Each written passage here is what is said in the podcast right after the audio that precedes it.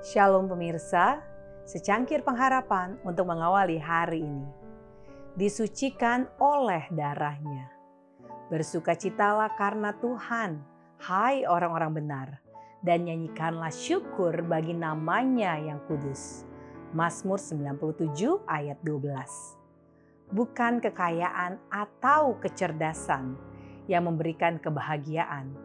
Itu adalah karena moral sejati dan kewajiban yang dilakukan. Anda mungkin memiliki upah sebagai seorang pemenang dan berdiri di hadapan takhta Kristus untuk menyanyikan pujiannya pada hari ketika dia mengumpulkan orang-orang kudusnya.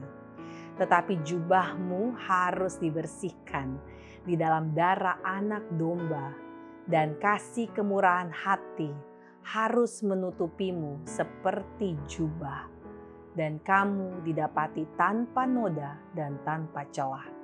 Testimonies for the Church jilid 4 halaman 125.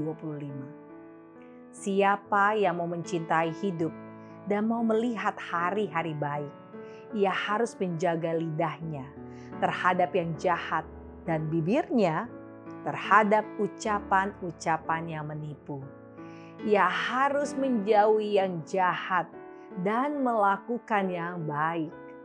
Ia harus mencari pendamaian dan berusaha mendapatkannya.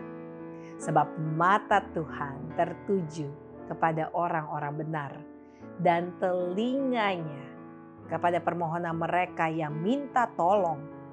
Tetapi wajah Tuhan menentang orang-orang yang berbuat jahat.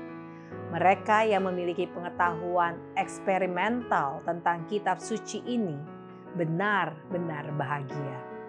Mereka menganggap persetujuan surga lebih berharga daripada hiburan duniawi apa pun. Kristus di dalam mereka harapan kemuliaan akan menjadi kesehatan bagi tubuh dan kekuatan bagi jiwa. Testimonies for the Church, jilid 1 halaman 566. Demikianlah renungan kita hari ini. Selalu mulai harimu dengan secangkir pengharapan.